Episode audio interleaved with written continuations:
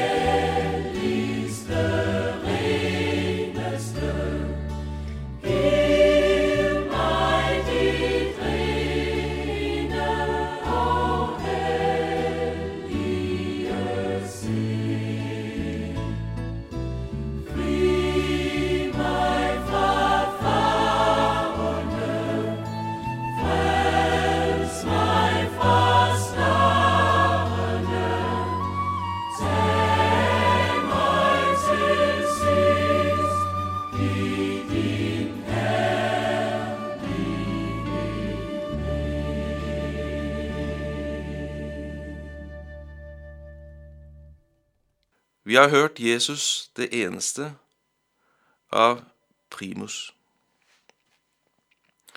Vi vil nå lese Selme året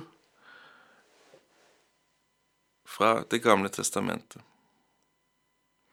For kolederen Al-Hagidit, Selme av David.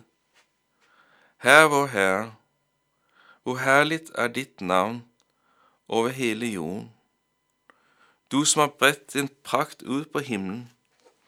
Av børns og spedets munn har du grunnlagt et vern mot dine motstandere, for at stanse fiender og hevngærige. Når jeg ser din himmel, dine fingres verk, månen og stjernene som du satte der, hva er da et menneske at du husker på det? Et menneskebarn at du tar deg av det? Du har gjort det kun litt ringere enn Gud.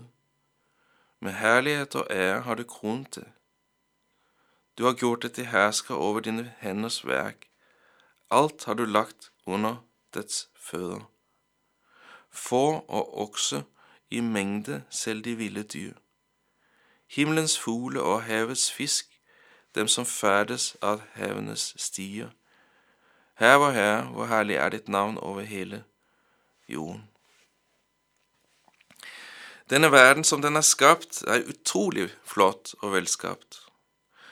Det er dette salmisten lovpriser Gud for, for den prakt han har bredt utover hele jorden. Hvor herlig er ditt navn over hele jorden, sier han. Men innen salmisten kommer for godt i gang, sier han noe underlig, som leder til å være en innskuddssetning. Han begynner salmen med himmelens prakt, og litt senere med stjerner og univers. Men midt i det hele kommer denne underlige setning. Av børns og spedes munn har du grunnlagt et vern mot dine motstandere, for å stanse fjender og hevngærige. Hvordan skal dette forstås? Det skal forstås som det blir skrevet. Midt i dette vanvittige univers er det krefter som regerer som vi ikke tenker over. Og det er de krefter av ord eller lyd som kommer fra Burns og Spedes munn.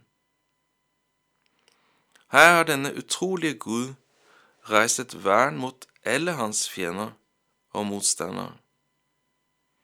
Det som er svakt og uaktet i verden, helt hjelpeløst. Vi kan tenke på Moses i Sivkurven. Det hører Gud. Enn videre er det også et av hans våpen i kampen mot hans fiender. Den hjelpeløses råd på bønn om hjelp kan se ut av meget litt, men når den hjelpeløse råper, sker det at Herren reiser et vern mot sine motstandere. Men så fortsetter salmisten, liksom han startet, med å tale om fingrets verk, måne og stjerner. For ikke altfor lang tid siden oppdaget astronautene en ny galakse. Den heter IC1101. Den er over en milliarder lysår vekk fra oss. Den er så stor at vi slett ikke kan forstå den. Sammenlignet med Melkeveien er den som en appelsin i forhold til et sendkorn. Når vi så vet at Melkeveien er over 100 000 lysår i diameter, forstår vi at det er svimlende størrelser vi taler om. Vi forstår at universet er så stort at vi slett ikke kan forstå det i vår lille hjerne. Og allikevel, det er en ting vi kan forstå når vi tenker på de vanvittige størrelser i universet. Det vi kan forstå, er at jeg og deg er utrolig små. Det er også det salmisten sier. Når jeg ser din himmel og dine fingres verk, månen og stjernene som du satte der, hva er da et menneske at du husker på dem, Et menneskebarn at du tar deg av det? Hva er da et menneske? Et menneskebarn at du tar deg av det? Men det er livet Herren gjør. Han som skapte dette univers, tar seg av ethvert menneskebarn. Selv om den enkelte er utrolig lille, og også dets liv er utrolig kort i universets perspektiv, ser han til det enkelte mennesket. Ja, ikke bare det enkelte mennesket, han tar seg også av det. Hvordan henger dette sammen med din erfaring, med min og verdens erfaring? Jeg tror det kan være noe blandet. I gode tider hvor det er fred og demokrati, er det nemmere å se Guds gode hånd over det enkelte mennesket enn når det kommer krig og ufred, når lovløsheten tar fatt. Men han er der allikevel både når det går godt og når det går dårlig. Han ønsker gjennom alt det det skjer med oss, at vi skal vende vårt blikk mot ham, for at vi kan finne ly under hans vinger. Det er på denne måten han tar seg av oss. Han vet at selv om denne verden dypest sett ligger i det onde, og at den skal få gå, vil ethvert menneske som venner seg til ham, bli frelst. Det har han åpenbart for oss gjennom det at sende sin sønn, Jesus Kristus, til verden, for å sone all verdens synd. På den måten åpnet han veien fra denne døende jord til en evighet sammen med ham. Han betalte for alt det som er ondt i vår verden, for at vi kan ha håp om en fremtid uten synd og elendighet som det står i Johannes 3, 16. For så høyt har Gud elsket verden, at hver den som tror på ham, ikke skal fortapes, men har evigt liv. Her, i dette perspektiv, i dette evige liv, som er like så uforståelig som universet, vil alt være godt. Her vil han ta seg av ethvert menneske, evig perfekt, ingen tår, nød, skri eller ondskap vil være i dette univers. Til sist i selmen gjør leseren oppmerksom på hvor fantastisk mennesket er skapt. Han sier vi er skapt i Guds bilde, at vi ligner Gud og er kronet med herlighet og ære. Dessuten er mennesket satt til å herske over jorden, og som vi også hører det i skapelsesberetningen over få og okse, fugl og fisk.